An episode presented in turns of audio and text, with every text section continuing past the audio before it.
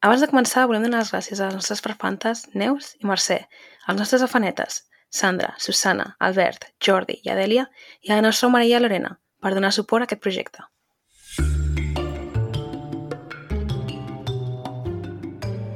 Benvinguts a Malandre Criminal, el podcast on comentem documentals de crims de la manera més cutre possible, perquè no sabem fer-ho millor. Jo sóc la Carla. Jo sóc la Marta. Jo sóc la Clara. 3, 2, 1, estem gravant. 3. 3, 2, 1... Acció. No tenies una història, Marta. Ah, anava a dir, jo no vull, eh? Sí, sí, jo sí. Saps què passa? Se m'estan acumulant les històries. Pues eh, comença, comença. No. Però Va, clar, ens passarem aquí 20 minuts, avui s'explico una... Que és una mica trista, la veritat, però porto una Jope, història de la Marta. meva estimada Renfe. Una cosa, és trista com totes les històries que expliquem aquí en aquest podcast, que en riem una No, mica. aquesta és més trista, aquesta és més trista i és una mica pertanent al tema i que és, Ok. i és sobre la Renfe. Mm. perquè l'altre dia um, vaig estar, no sé, dos, tres hores enmig de la nada en un tren Mm. perquè van atropellar algú. Au. Però es va tirar o va caure o què va passar? No ho sé, perquè, perquè tot el punt de la història és que jo sóc una pringada. Vale? No, això ja se sabia. havia quedat amb, amb unes amigues uh, que feia molt de temps que teníem una reserva i tal i qual, i hem quedat per dinar. Mhm. I una, una d'aquestes amigues i jo agafem el tren des del nostre poble. No hem arribat ni a la següent parada, és que no hem fet ni una parada, que és parar el tren enmig del no-res, sortint d'un túnel on no hi ha res. Hi ha mm. una Mm. muntanya amb un caminet de sorra i a l'altra banda hi ha canyes. Us van deixar tirades? Sí, o sigui, es va quedar allà la- l'altra amiga esperant-nos a la parada següent, que és la parada del seu poble. I va pitar el tren, para de cop, bueno, de cop, no, no va ser tan bèstia, o sigui, va parar, no va ser una frenada molt bèstia. Mm. I llavors, al cap d'un parell de minuts, surt el conductor de la cabina, obre la porta, baixa, nosaltres pensant què està passant, i quan va tornar a pujar, pobre estava una mica... Se'l veia traumadet. Hosti, Ah, que va veure el tema, no? Clar, clar, van a veure el tema, en plan... Però és que ell va pitar com tres o quatre vegades, o sigui que veuria la persona. I algú el va ajudar a pujar i li van preguntar si estava bé i va dir així, en plan, ah, un arrollamiento... eh". I nosaltres, oh, vaya. Oh, Ah. shit. Qüestió que ens vam quedar com 3 hores allà esperant a que arribés la policia, eh, els bombers, l'ambulància i el jutge, que va arribar l'últim, Òbviament. Què és, el de Portbou o com? quasi, quasi. El de Martorell, que mira, doncs tres quarts del mateix, segurament. Però sí, sí. Total, i ens veus nosaltres anul·lant la reserva, perquè, òbviament, no arribàvem a dinar. I va ser estrany, perquè mai, mai havia estat jo en, en un tren En una que escena arrollés de- de- d'un no, crim. No, no, va ser curiós. Uh, Un crim per arrollamiento. sí, el pobre conductor estava fatal. Buah. Els Ah. conductors de la Renfe igual els, els hi haurien de pagar el psicòleg, eh? Home, de baixa deu estar segur. A més a més era un, un xaval bastant jove. Pobre. I, bueno, això, al cap de com 3 hores, quan va arribar el jutge, ens van posar una escaleta metàl·lica al tren, perquè clar, el tren queda elevat. No, en sèrio? Sí, ens van deixar baixar i vam tenir que anar caminant fins a la segona estació, No, fins a... Uau. En sèrio? Que fort. fins a Castellbisbal. Sí, tu No es van saps? posar ni un autobús. No, no no, perquè és, és, al, és al costat. No estàvem tan lluny, potser estàvem a Sí. 15 és com a 20 minuts l'entrada, a l'entrada de l'estació, diguem. Sí, saps on va passar? No havíem arribat a l'entrada de l'estació. Saps el túnel que hi ha entre Martorell i Sí. Castellbisbal? Just al sortir Sí. del túnel. És que aquell tram està en obres des de fa bastant de temps i... O sigui, l'R4 de per si va tard, no? Però ara més. Però ara no passa, no? De Castellbisbal a Martorell. Depèn del tren, depèn del tren. Els trens que venen des de Sant Vicenç de Calders, sí. Els trens que sortien des de Martorell, ja no. Per tant, els trens que suposa que arriben a Martorell tampoc arriben. No arriben, no arriben els trens. Pots I a arribar més- a Martorell si agafes un tren que va a Sant Vicenç de Calders. I a més, són tan, amb perdó, mantes que no són capaços de posar a la, als, pa, als pamflets aquests, a més de posar Martorell, posar Castellbisbal, mm. perquè així la gent Sí, que no puja totalment. cada dia, que no ho sap, doncs ja no puja, perquè els hi passa molta gent que quan veuen Martorell, perquè s'acaba Martorell, arriben a Castellbisbal i es queden allà tirats, llavors s'han d'esperar Sí, un sí, altre sí. tren. Però com són uns Sí. mantes, doncs mira. Fa com un any, eh, que això va. Sí, quan Però sí, estava sí, mirant els trens amb la meva amiga, la meva amiga que va venir a agafar el tren amb mi no és de Martorell i em passa tots uns horaris i em diu, ah, mira, hi ha tots aquests trens. I jo li vaig dir, la meitat no existeixen. No, no, Sí, no la, existeixen, la meitat, són els que, quadrets. cosa que surtin de Martorell, no existeixen. Sí, sí, total. Però el pitjor de tot és que estàvem a l'estació i el tren va arribar puntual. What? Havia d'arribar a 35, a 35 Això sí que són del, padres. dalt del tren. Uau. És dins la Renfe? Sí, però llavors van enrotllar algú. Renfe saps? Prime. I em vaig passar 3 hores allà esperant, tirada. O sigui, va ser una experiència una mica... Per sort ens ho vam prendre amb molta calma. Però, clar, jo vaig agafar el tren a la 1, a les 5 de la tarda, estava trucant a veure qui em podia venir a buscar perquè m'havia quedat tirada. Òbviament ja no anava a anar, fins al restaurant no anava a anar. Clar. I dinant a les 5 de la tarda perquè a casa, saps? Final tot el plan de dissabte a la merda. Mm, Va ser, va ser una experiència, I guess. Que guai. No, que guai no, van matar algú. Però Bueno, és una manera de parlar.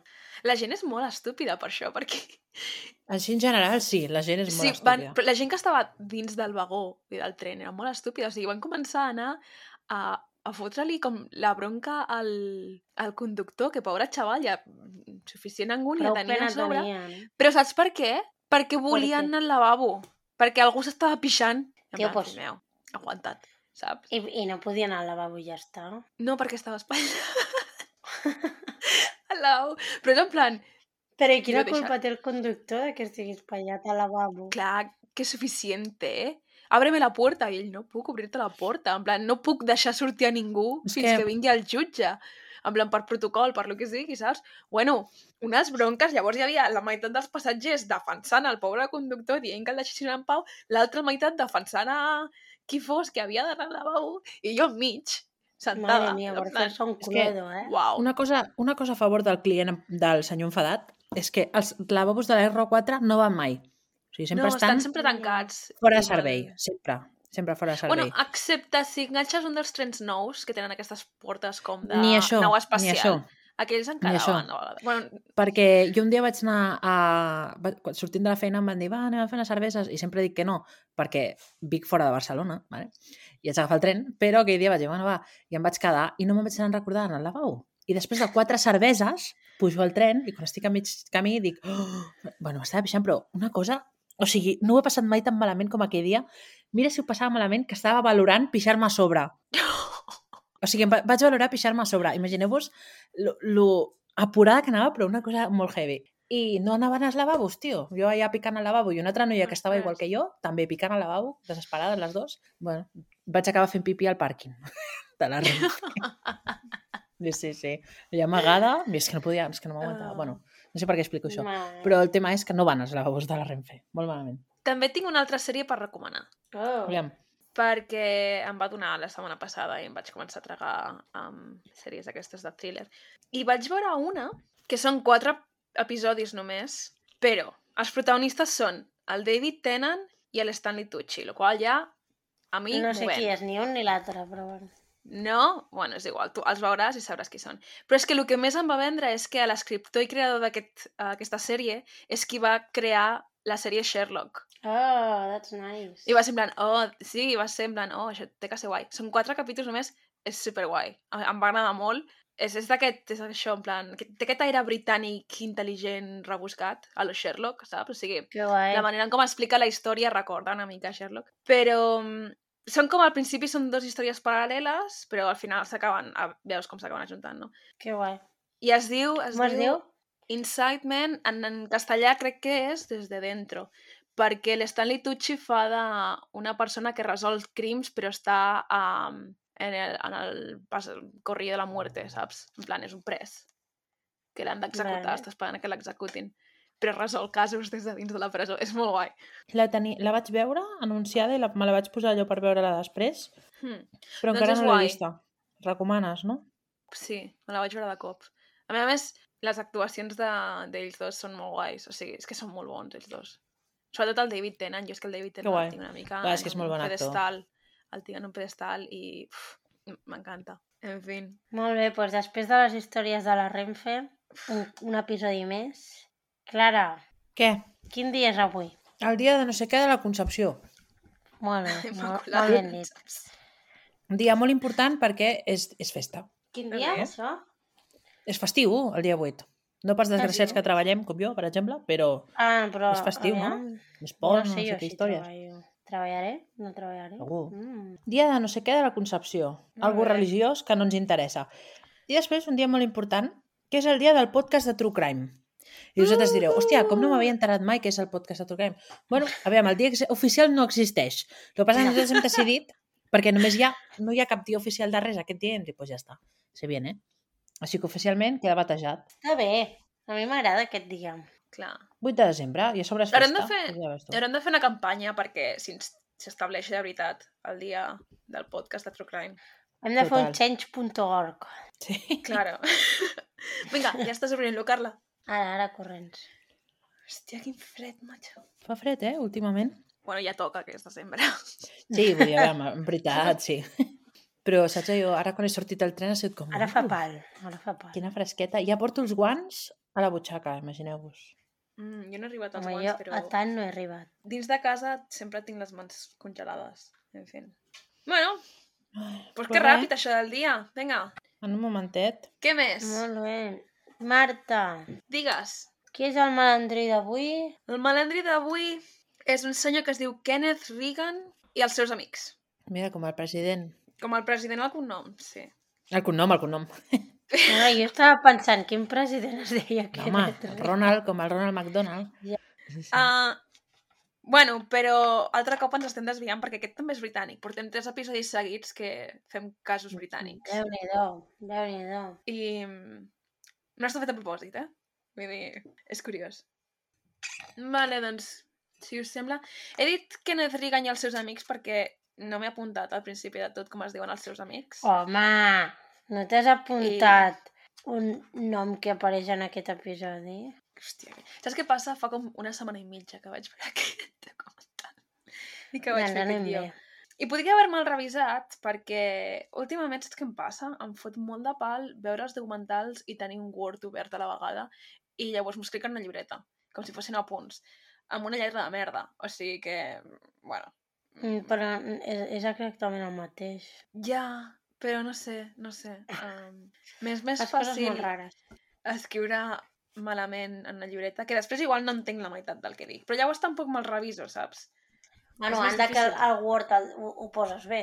No, escriure malament no vol dir sense, amb faltes d'ortografia, vol dir que faig una lletra No, no. merda. Vull dir... I Què? tu ja saps el que ha posat. O sigui que ho tecleses malament i després no s'entén res. Ah, bueno. Però jo el que t'estava dient és... La lletra, la lletra la pots llegir. Jo el que t'estic dient és que no sé si puc llegir la meva pròpia lletra, perquè és lletra de prendre punts sense gaire interès. Ah, mira, tinc aquí els noms. William Hornsey i Pete Reese. És això el que volies? Ah, sí, és això. Molt bé. Però el malandrí principal segueix sent el Kenneth Reagan. Vaya Cristo, de, de senyor. Aquest documental es diu uh, La família que va desaparèixer o la família... Bueno, No, diguem-ho la així, la família que família- va desaparèixer. La família que va ser assassinada per 5 milions de lliures. Sí, aquest és el títol de YouTube, però el títol del documental Ah. és La família que va desaparèixer. Pues la puta merda de títol, no? Sí. La família que va desaparèixer. El senyor al que van assassinar. Mm, Pues vale. Totalment. Llavors, quina és la família? La família és la família Chohan. La família Chohan consisteix del pare, un senyor que es diu Anil, la mare, una Mhm. senyora que es diu Nancy, els seus dos fills petits, molt petits, un té 18 mesos i l'altre és un recent nascut, i la mare de la Nancy que viu amb ells. Sí. Són de la Índia, però en algun moment, no sé, doncs mira, doncs van acabar a Londres. I tot comença perquè al febrer del 2003 tota la família desapareix. Llavors, què passa? Uh! M'ha sonat l'antivirus que ha fet aquí ha fet la seva neteja de merdes. Molt bé, important Vale. també. És que ha saltat... Clar, no l'heu sentit perquè tinc els auriculars, però ha saltat un ping. Sí que s'ha sentit. Heu sentit el ping? Sí. Puc confirmar que sí. Pues sí que... Imagineu com m'ha sonat a mi a l'orella. La qüestió és que l'Anil Chohan Mm. és propietari d'una empresa d'importació de fruita a l'aeroport de Heathrow, que és un dels aeroports principals de Londres. L'Anil eh, parlen d'ell i diuen que, bueno, pues que és un molt bon tio, és un bon jefe, no? amic amb els seus treballadors, l'estima molt, l'empresa pues, té relatiu èxit i tal. I, a més a més, l'Anil és exconvicte. havia estat a presó per evasió d'impostos i llavors, com que ell havia tingut aquesta segona oportunitat en la vida i sabia lo difícil que era refer la teva vida després de sortir de la presó, el que fa és donar moltes oportunitats a exconvictes. O sigui, no, no li importa contractar exconvictes. Això està bé, és de ser bona gent. Hmm. I al gener del 2003, un mes abans que desapareguin, contracta a Kenneth Reagan. I el contracta com a conductor de camions barra repartidor i tal i qual. El Kenneth Reagan és un exconvicte. I per què havia anat a presó Kenneth Reagan cinc anys abans? Perquè era un dels Mm. majors traficants de drogues de Londres, conegut com a Captain Cash. Mare meva. Amb el Això- nom ja paga. Captain Cash sona una mica a... Ja t'ho dic jo, són infantils. stripper.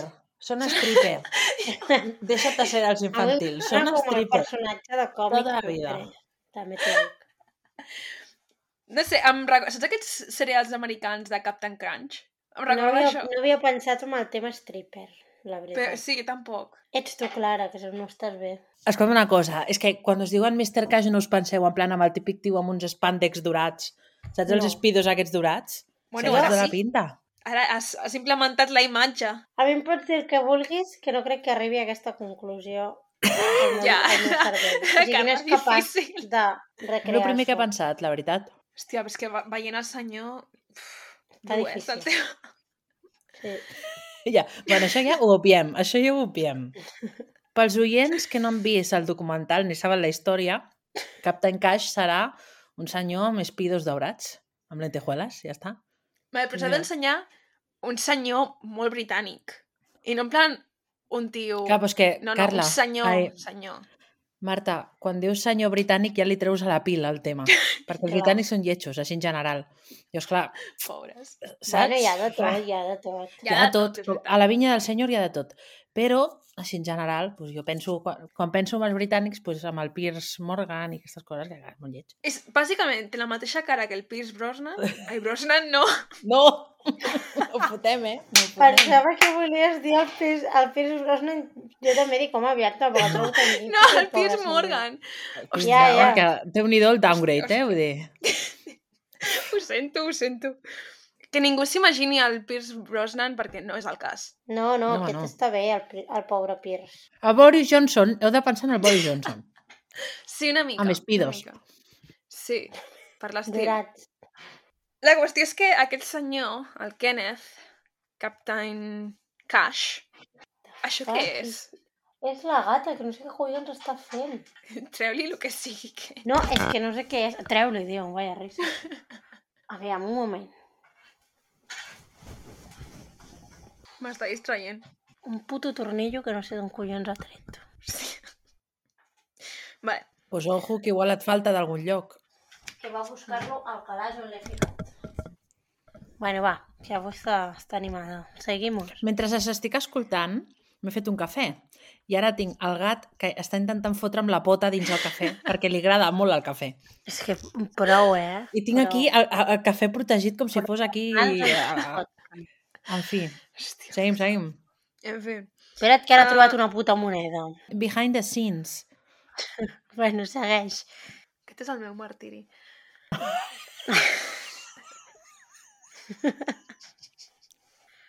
Ai, prou, que estic, que estic afònica. I no puc riure bé. Ric en plan asmàtica ara mateix. Afònica o asmàtica?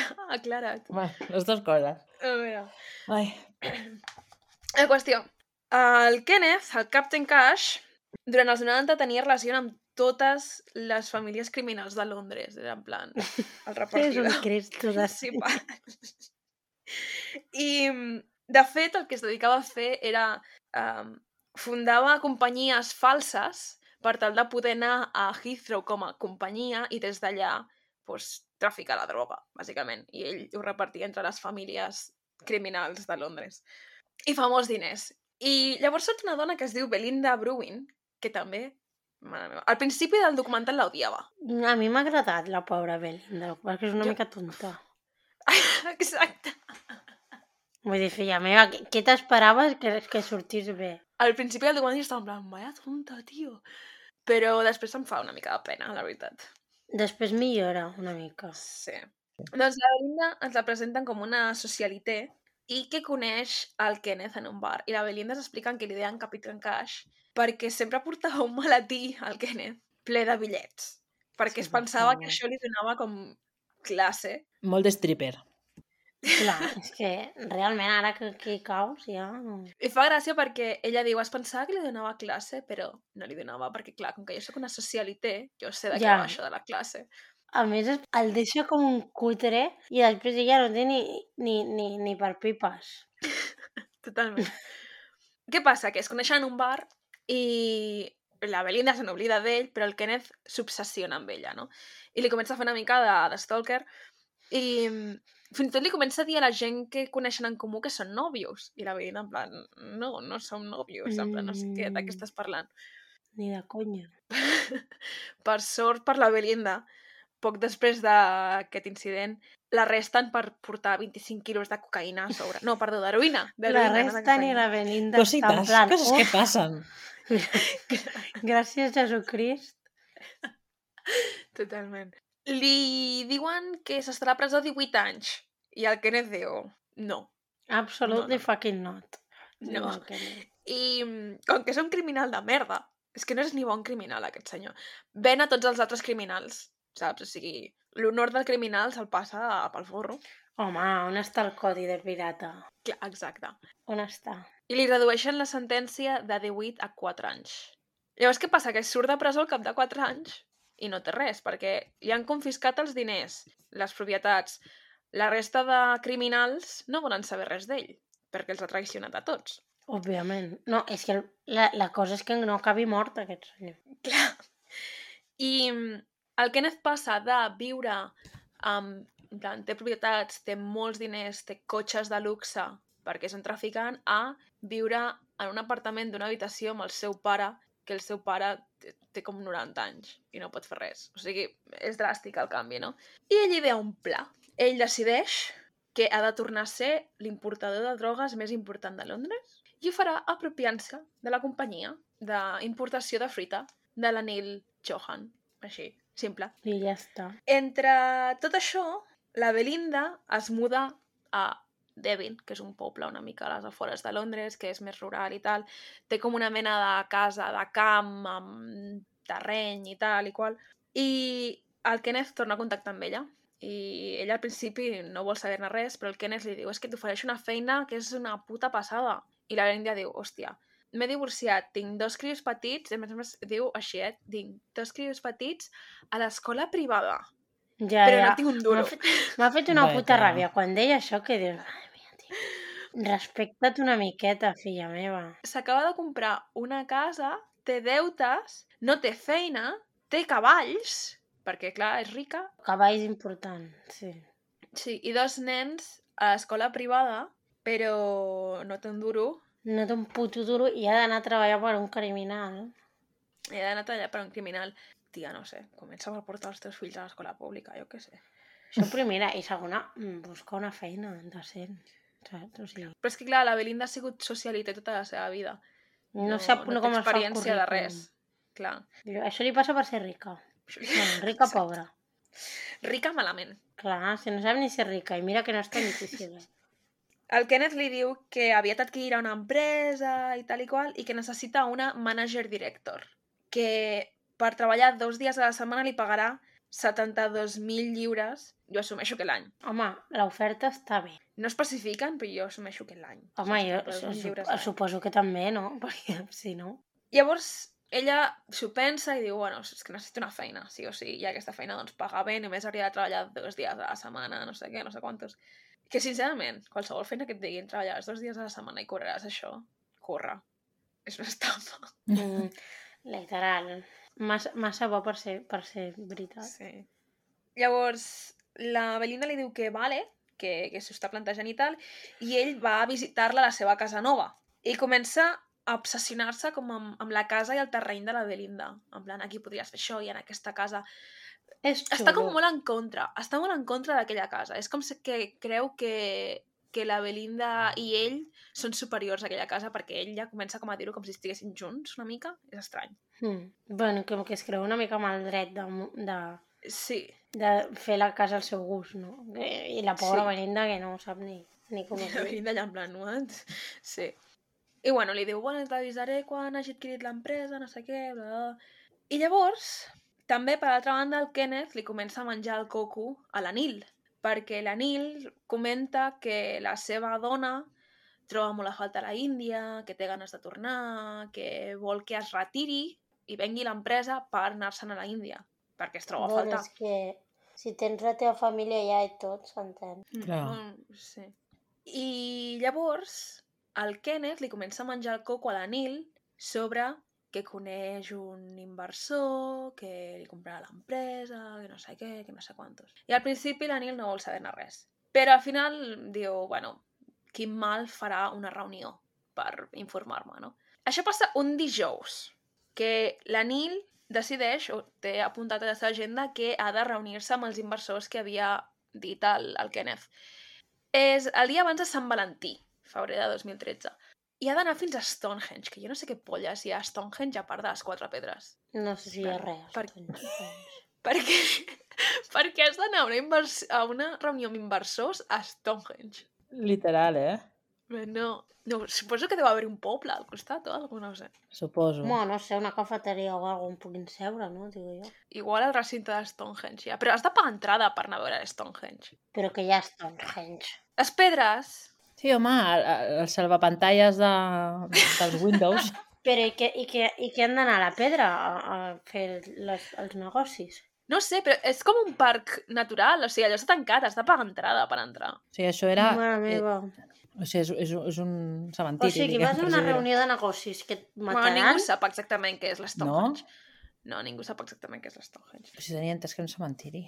Tu vas No. a una reunió No. de negocis la qual és probable que acabis mort, spoiler, i, i a sobre has de pagar entrada per anar. a sobre. Però també no tindria gaires... O sigui, si tu fossis aquesta persona, en comptes d'anar fins a Stonehenge a saber què fotre, no tindria més lògica dir-li als inversors que vinguessin a Heathrow perquè veiessin el negoci? Clar. Compraran un negoci sense haver-lo visitat mai. Ja, bueno, igual ja és cosa de... Vull dir, segur que hi ha gent que ho fa, eh? Gent que tira els diners aquí i allà i juga amb aquest tipus de coses, però... No sé, mm, em sembla estrany. La qüestió és que se'n va. Això passa un dijous. El dilluns següent, el Kenneth informa als treballadors de la companyia de la Nil que la Nil ha venut l'empresa i que ara la propietària és la Belinda. És que... La Belinda, que no Ok. saps ni com es diu, no puc més. La, la Belinda, que ella es pensa que és la manager director, no la propietària. Ella no s'ha compromès a comprar una puta merda. És que... I- Però els treballadors els diuen que és la propietària. Llavors, els treballadors, el fet de que la Belinda es presenti dos cops a la setmana i s'estigui una estoneta només, doncs no els hi sembla tan raro si és I a saber què fa, saps? perquè deu estar jugant al Buscamines, com a molt. Segur. A més a més, el Kenneth els ensenya una carta firmada per la Neil Chohan en el que diu que, bueno, que sí, que ha venut l'empresa, que se n'ha tornat a l'Índia i que, que no el busquin, que se n'ha tornat a l'Índia. En plan, així, d'un dia per l'altre, ¿vale? Que no el busquin. Ni em truqueu ni, ni, ni m'escriviu ni res. I els treballadors diuen, ah, vale. Bueno. Pues vale? Els treballadors que el tenien com, oh, és el millor jefe del món, ens porta pizzas els divendres, és com un amic, ens tracta com una família... Els treballadors estan en plan show must go on. Sí, sí, total. Totalment així. No estar, pues, pa'lante, como los de Alicante i així. Vale que ha venut l'empresa, però no ha vingut ni a despedir-se, saps? I ja està a l'Índia. En qüestió de quatre dies ja està a l'Índia. Sí. Bueno, la Belinda... la Belinda és increïble, perquè és el seu primer dia de feina i va allà i el primer dia de feina va, comença a mirar factures i a fer, jo què sé, doncs, feina d'administració, suposo. Però el segon dia de feina, de camí cap a la feina, diu ui, ui, ui, em trobo molt malament, me'n torno cap a casa. Prou. Ah, ni dos dies de feina. Que ja està en plan... Ui, Es ui, demana la baixa... I vinga. Oh, és que és boníssima aquesta senyora. És que és com una funcionària, eh? És pitjor. Sí. No, però es nota que la Belinda no ha treballat un dia en la seva puta vida. Es nota. Total. Es nota, es nota. A més, és que no ha de fer res, només que està asseguda davant d'un ordinador, saps? Vull dir, tampoc. No pot fer ni No això cal- durant dos dies No cal ni que facis coses, en plan... No, no, és increïble. Llavors, es torna a casa, quan arriba a casa seva, veu que a la seva propietat hi ha dos homes amb excavadores. I diu, bueno, i això d'on ha sortit? Resulta que són amics del Kenneth. Uh, els amics són el William Hornsey i el Pete Reese. I diu que li estan construint una mena de sequia de drenatge. Jo he buscat la traducció i posava això, sequia de drenatge. No sé si, no sé si és això la veritat. Però bàsicament li estan construint no és com una drenatge cuneta. de sequia. Ah, doncs drenatge de sequia, no sé, no em fio gaire del Google Traductor, però... Però... Més sentit serà que sequia de drenatge. sequia de drenatge no té sentit. És que ja ni me'n recordo com era originalment el que vaig intentar traduir. La qüestió... Sí, bueno, jo que sé, una cosa Bueno, de que fan drenatge, com vale? un forat al costat d'una valla perquè no estigui tot moll. Sí, exacte. Clar, ella no ha donat en cap moment el seu permís perquè facin això. Però ells es diuen, no et preocupis que som amics del Kenneth. I ella en plan... I en plan, ah, bueno. Ah! ah! Clar, i els hi diu que sapigueu que això, a la que acabeu, trucaré a algú perquè ho torni a treure perquè no ho vull. I li diuen, bueno, bueno, vale, però espera't a l'estiu. Igual. No sé per què realment ella s'espera, però Ja, o sigui, doncs treu i ja està, filla. És treu el dia següent. em desespera una mica la Belinda, eh, pobre. Sí. També t'ho dic. O sigui, ella literalment ha, ha vingut a la vida a no fer res llavors tu fas una cosa que no t'agrada, però ella vol treure-ho però no pots perquè no pot fer res. Tu li dius, no, no ho facis, i ella no ho fa. No, i tu li dius, fes-ho i tampoc ho fa perquè no, no. Perquè no pot fer res. Però és que no tenen cap raó de peu, simplement li diuen... És que a més, és, el pitjor és que li diuen, vale, treu-ho, però espera't uns mesos. Per què? Sí, sí, t'ho trauré a l'estiu. Per què m'haig d'esperar uns mesos a treure-ho? No, És espera't uns només un mesos. forat, en plan, I la espera. En fi.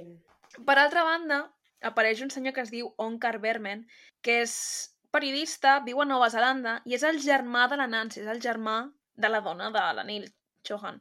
I té planejat anar a visitar-los perquè no ha vist mai els seus nebots, no? I pues, tenen aquesta visita planejada. I es parla pràcticament cada dia o amb la seva germana o amb la seva mare, Ai, que la mare viu... sí que m'ha fet pena. Sí, pobra. La mare viu amb la germana, no? Per tant, o truca a una o truca a l'altra, algú li contesta pràcticament cada dia. I comença a trucar durant diversos dies i ningú li contesta. I diu, hòstia, això és raro. I envia un e-mail a la policia de Londres, tot preocupat, i la policia li diu que, bueno, doncs anirem a la casa, farem una ullada. Però diuen, bueno, la, la casa està buida, no hi ha ningú a la casa. I pregunten als veïns, i els veïns tots diuen, sí, s'ha tornat a l'Índia. I la policia diu, ah, vale, s'ha tornat a l'Índia. Pues oh, no. En I el caso cerrado. Tu, molt bé. I el germà del, de la Nancy diu no, no s'han tornat a l'Índia, en qui m'haguessin avisat si n'haguessin tornat a l'Índia, no? I llavors el Loncar decideix que, total, ja tenia un viatge a Londres planejat, doncs agafarà i anirà a Londres, i anirà a investigar. I ell ja tenia el bitllet. Dir, no, no, és igual el que li hagi passat a la seva germana i a la seva família. L'important és que ella havia de viatjar.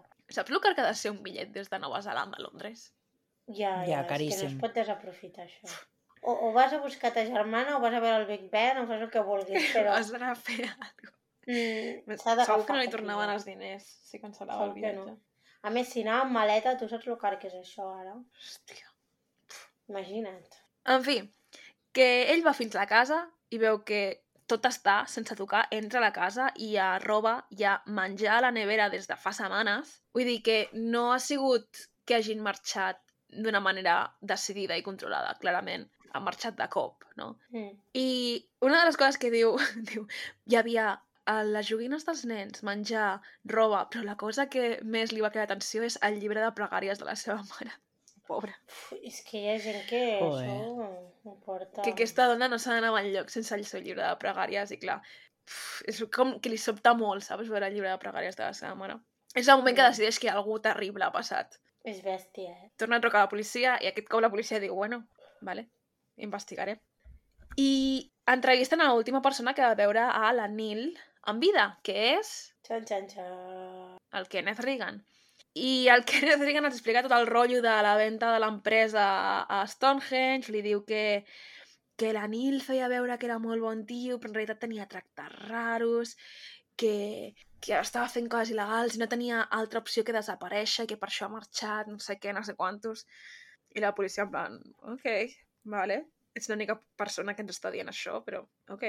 I localitzen el telèfon de la Nil, no? Això que fan, triangulen i aquest tipus de coses. Sí, coses. No localitzen el telèfon, però veuen, poden veure els últims moviments del telèfon en el dia que va desaparèixer, no? I on havia estat i tot això. No? Sí, exacte. O sigui, o sigui, aproximat. No és Aproximadament, sí.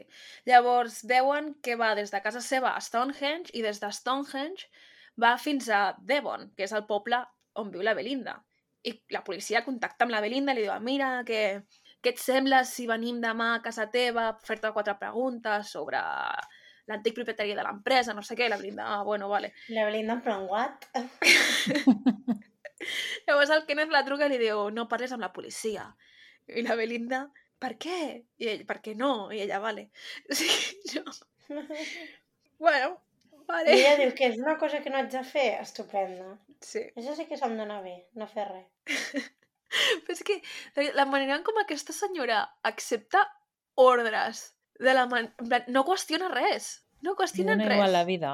Dona igual. Sí, o sigui, a tu t'està dient la policia, necessitem parlar amb tu, i aquest criminal et diu, no parlis amb la policia.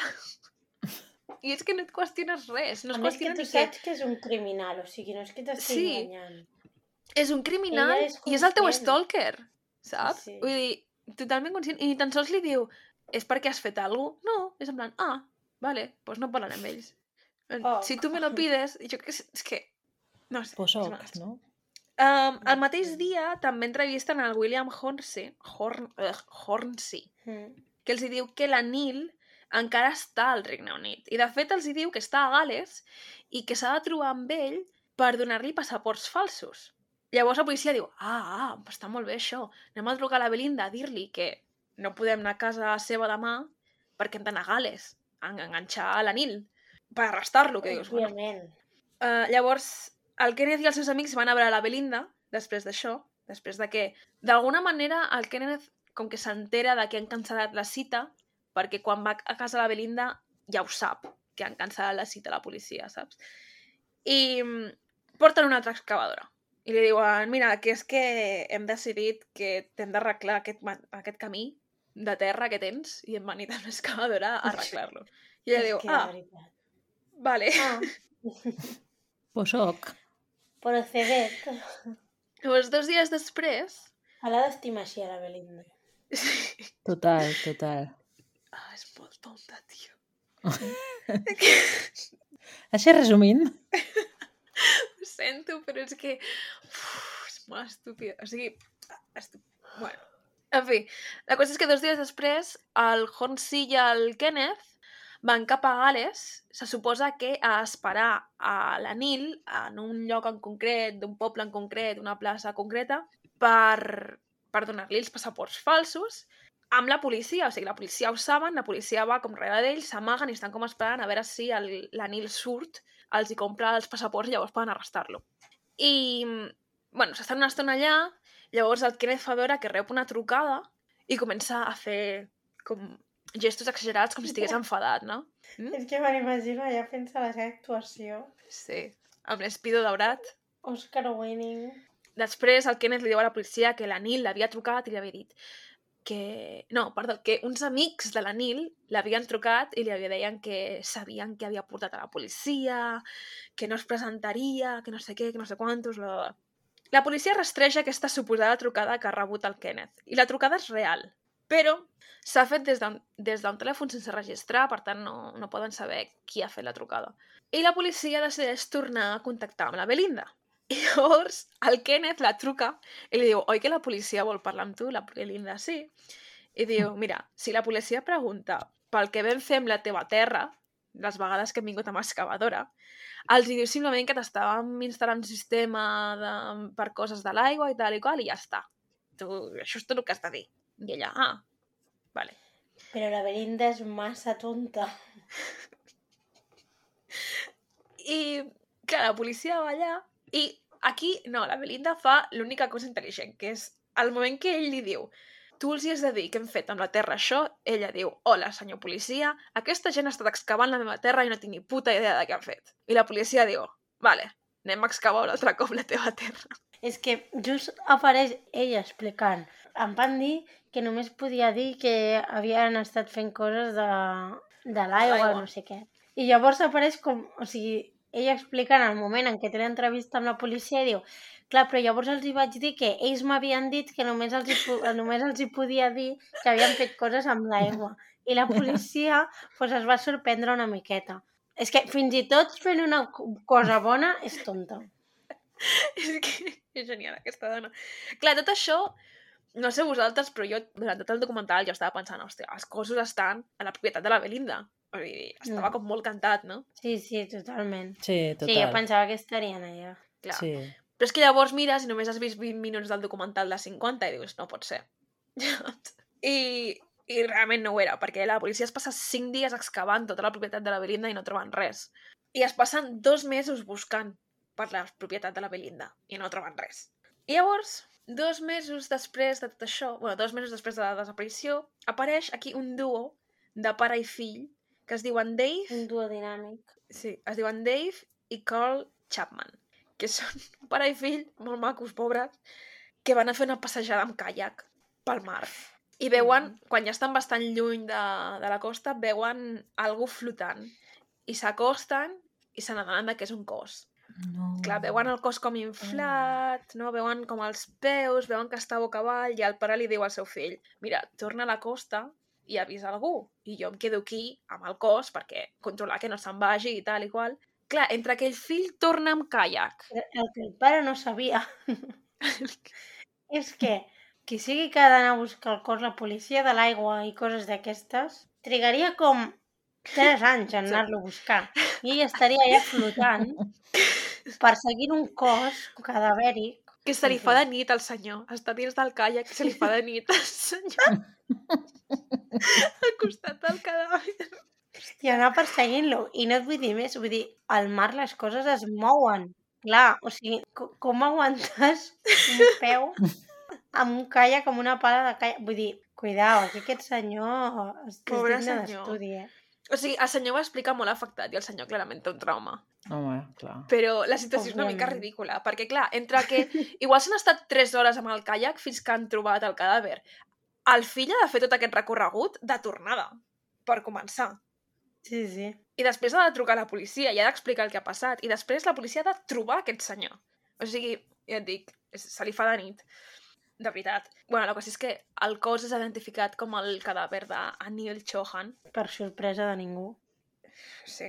Diuen que té un cop al cap i, i cinta a la boca, tapar-li la boca. Llavors, no saben exactament quina cosa va ser primer o si va ser una combinació de traumatisme craneoencefàlic i sufocació. En plan, no, no saben exactament. És una cosa o l'altra, o les dues a la vegada. Llavors, al final, després de mesos, a la terra de la Belinda troben cabells, que corresponen a la Nil, roba cremada i joies. Llavors, la policia creu que se'ls va enterrar allà, com a mínim a la Nil, se'l va enterrar allà, i després se'l va desenterrar i se'l va deixar al mar i ha flotat allà durant el temps que sigui. Però clar, tot això troben cabells de la Nil només i troben només el cadàver de la Nil. Diuen, hòstia, què, què ha passat amb la resta de la família? No sí que creuen que ha passat el mateix, que la família ha sigut enterrada i moguda en algun punt, però no poden, no saben on trobar-los ni tenen proves de res. Clar, tot això, el sospitós principal, vull dir, és que no hi ha més sospitosos que el Kenneth i els seus amics, vull dir, no... no. Llavors, bueno, la policia està col·laborant amb la Belinda, òbviament, i un dia la Belinda, mentre va amb el seu cotxe, es troba el Kenneth i els seus amics a la carretera, no? que li diuen, és que mira, hem de parlar amb tu. I la Belinda diu, bueno, li haig de tornar una cosa al meu veí, li torno... No, a- allà vaig- es caga la Belinda, eh? Sí. No, però ho fa bé, perquè diu, mira, tinc aquesta cosa al maleter, els ensenya i és una cosa dels cavalls. Ho haig de tornar al meu veí, que no és veritat, simplement ho portava perquè ho portava, però li torno al meu veí, que són dos minuts, viu al final del carrer, i torno enrere i, i ja està, i parlem. I li diuen, vale, vale. I ella va a casa del veí i truca a la policia des de casa del veí. Però, quan arriben els policies, eh, ells ja han marxat. Els tres amics ja han marxat. Mm. De fet, s'escapen a Europa, dos d'ells, el Kenneth i el Hornsey, perquè el Tal Peter qual. Rees el deixa en Anglaterra i per alguna raó confessa haver matat a una família a la seva llogatera. I la llogatera diu, ah, genial, i truca a la policia. Uau, és que en quin moment? A més a més, es... també és perquè ho diu d'una manera que no diu... En plan, he matat una família. Diu, vaig disparar a dos nens i vaig matar la resta de la família. Saps? I la llogatera, en plan... Uh... Ah, ok, cool. Aquesta senyora es diu Wendy Powells. M'he apuntat perquè és una crac aquesta senyora. Clar, immediatament arresten el, el Peter Rees, però un cop l'arresten ella es nega a parlar. Tot el que li ha dit a la... És que però per... no entenc en cap moment per què li explica a la llogatera això. Ja, No. és com que es ratlla, no? Sí, literal, és això. Un dia ratlla i li explica a la llogatera. Sí, Però després- de les. No es ratlla la suficient com perquè quan l'han arrestat li diuen mira, sabem que li has dit això a la llogatera com per afirmar-ho o fer res. No sé. Ja, bueno, té un moment de ratllament, no cal que estigui ratllat per sempre. Passen tres setmanes i un pescador troba un altre cos que resulta ser la Nancy, la dona de la Nil. Uh, per tant, ja, ja tenen com la teoria, no? En plan, va, sí, ha matat tota la família, bla, bla, hem trobat el cos de la Nancy. Troben el Kenneth a Bèlgica dos mesos després i se l'emporten cap a la Terra i sis mesos després de que hagin arrestat el Kenneth, el William Hornsey decideix que mira, que s'ha cansat i que s'entrega. Però Wow. És tan surrealista. Tenen a tots tres en custòdia, però ningú parla. Que també no, no ho entenc. El Horsey que s'entrega per no parlar. Ja, és que jo també crec que hi ha coses que no han explicat gaire bé en el documental. Ja. Perquè hi ha coses que no tenen gaire sentit. Però jo crec que el cas en si és molt... O sigui, és que jo crec que aquests tres fan coses que no tenen sentit. Ja. En fi, tot i que no contesten preguntes ni res, els... a l'abril de 2005 comença el judici i hi ha moltes proves, eh, però la que... moltes proves, rotllo, eh, hem trobat els cabells, no sé què, testimonis aquí, testimonis allà. Uh, una de les proves més importants és el registre de telèfons perquè després d'haver localitzat el telèfon de la Nil a Stonehenge i a Devon, localitzen el telèfon del Kenneth a Stonehenge i a Devon a la mateixa hora. I dels altres dos crec que també. Però és que jo el que no acabo d'entendre és per què el, el mata tota la família. Ja. Sí. Bueno, espera, Quin és el motiu principal? O sigui, clar. sí que ho entenc, però com que no té molt de sentit, vull dir, no, no hi havia necessitat. Crec que és perquè ningú els busqui, saps? Perquè és més fàcil... O sigui, tothom es creu la mentida de que han decidit tots marxar a la Índia, perquè ja hi havia un precedent de que havien dit que s'estaven plantejant tornar a la Índia. Ja. Clar, si només desapareix la Nil, tens a la seva dona que denunciarà la desaparició. Tens en Renou, però si desapareix tota la família, pots vendre la història de que s'han tornat i ningú qüestiona. I és el que passa al principi de tot, ningú qüestiona perquè ja havien dit diverses vegades que s'estaven plantejant tornar a la Índia. Jo crec que és per això. O sigui, no és per res... És per pura conveniència. Ja, ja. Però com que no, no té molta necessitat de fer-ho i ho fa igualment. Well, una altra, la prova més definitiva de totes, que és una cosa que fa la Nil abans de morir, que és molt intel·ligent, és que um, bueno, la primera vegada que li fan l'autòpsia no miren dins dels mitjons de la Nil. Però la segona vegada, per alguna raó, algú agafa el mitjó i diu què hi ha dins del mitjó? I troben un paper. troben un paper doblegat molt petit dins del mitjó. I el paper és una carta de, jo què sé, sembla una factura o alguna cosa així, dirigida a la direcció i a la casa del Kenneth Reagan, amb el nom del Kenneth Reagan, i el dia en què es va enviar, que és el dia 12 de febrer, que és el dia que va desaparèixer. O sigui que en algun moment que estaven distrets o alguna els altres, ell va agafar aquest paper que estaria sobre una taula o el que fos i se la va guardar al mitjó com a prova de he estat a casa d'aquesta persona aquest dia. Un Perquè al rei. final, o sigui, això és molt intel·ligent. Perquè ell, ell sabia que el anaven a matar. O sigui, jo crec que això ho fa perquè sap que el maten. I, de fet, és el fill d'un dels amics del Kenneth, del Hornsey, qui entrega a la policia una impressora i un paquet de papers en blanc firmats per a Neil Cohen. És a dir, són papers en blancs on ell podien imprimir el que els donés la puta gana, com per exemple cartes de despedida, contractes, el que sigui, però que havien prefirmat, l'havien fet prefirmar, i són firmes reals de la Neil, o sigui, estan...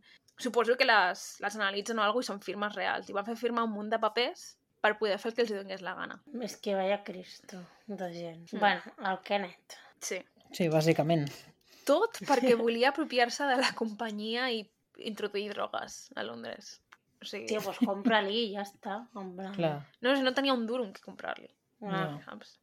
De fet, hi ha diversos detalls després de, bueno, no troben proves al pis del Kenneth perquè tot és nou, tots els mobles són recent comprats, la moqueta és nova, o sigui, canvia tota la casa perquè no hi hagi proves, no? I coses així. Però al final no, no hi ha dubte, diguéssim. I el Peter Rees, que és, es, per alguna raó se'l considera la persona que menys ha fet, és com simplement va, va ser com un guardián de la família mentre els tenien segrestats. El condemnen a 23 anys de presó i als altres dos els hi cauen 5 cadenes perpètues a cadascun. Uh, a tot això, fi, Cinc cadenes perpètues. 5 cadenes perpètues. O sigui, imagina't que pots passar una cadena perpètua i encara et queden quatre. Uh, després de, del judici es troba el cos de l'àvia a la illa de White, que és una d'aquestes illes petitones que hi ha al voltant de les illes britàniques, però els cossos dels nens no han aparegut mai.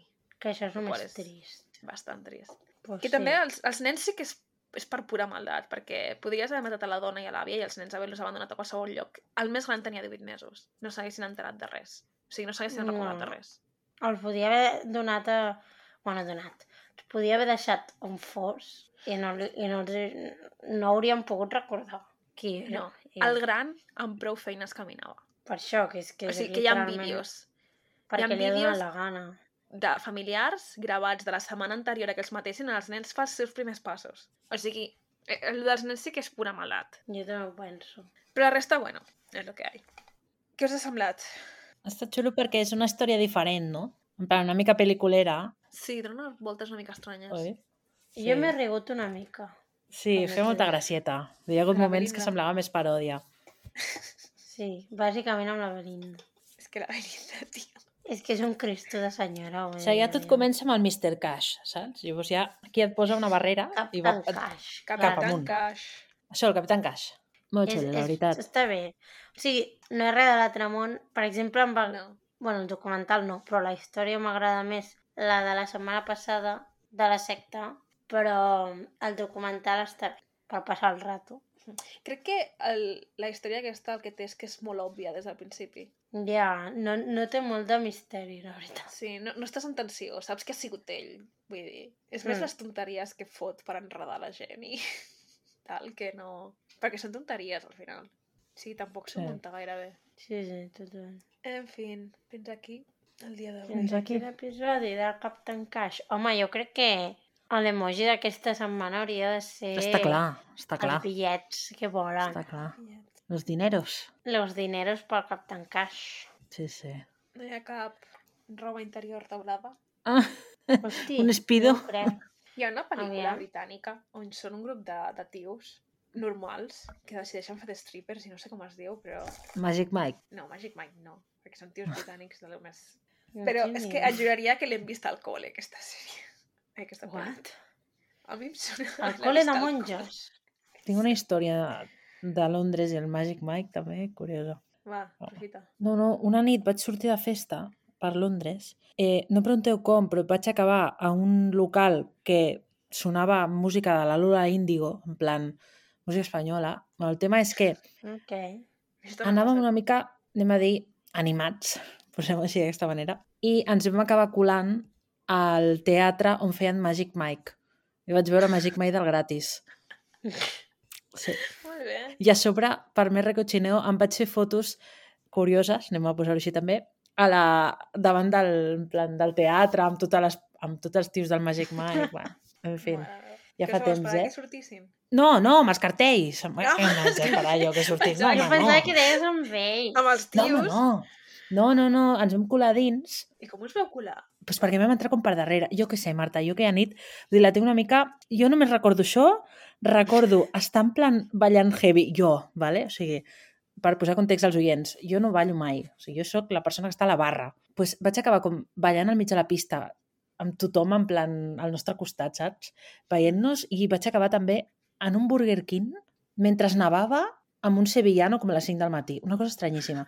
El tema és que ens vam colar com per la porta de darrere. I no us va parar ningú? No, Oh, molt I, bé. i vaig veure la, i vam veure el Magic Mike. Una mica tieses? Sí, sí. Bueno, igual tenia més gràcia. Jo us passaré les fotos... Bueno, no us les passaré perquè No, La- sí, sí, les passaràs. No, ara Amb passant. aquestes fotos passa que les persones que la tenen porten 3 anys torturant-me amb aquestes fotos. No, Stickers jo no i aquestes cosetes que passen, Jo saps? necessito una fotos d'aquestes. Almenys Sí, sí. una. En fi, cosites. Bueno, Molt bé. doncs bona nit. Bona nit. Bona nit a tothom. Ah, una cosa, sí que hi ha... És, bueno, hi ha uns, és com una cosa que és com uns espidors verds. O sigui que podeu triar. O, o per què triar, quan pots posar les dues? Bueno, els dos. Adeu. Adéu.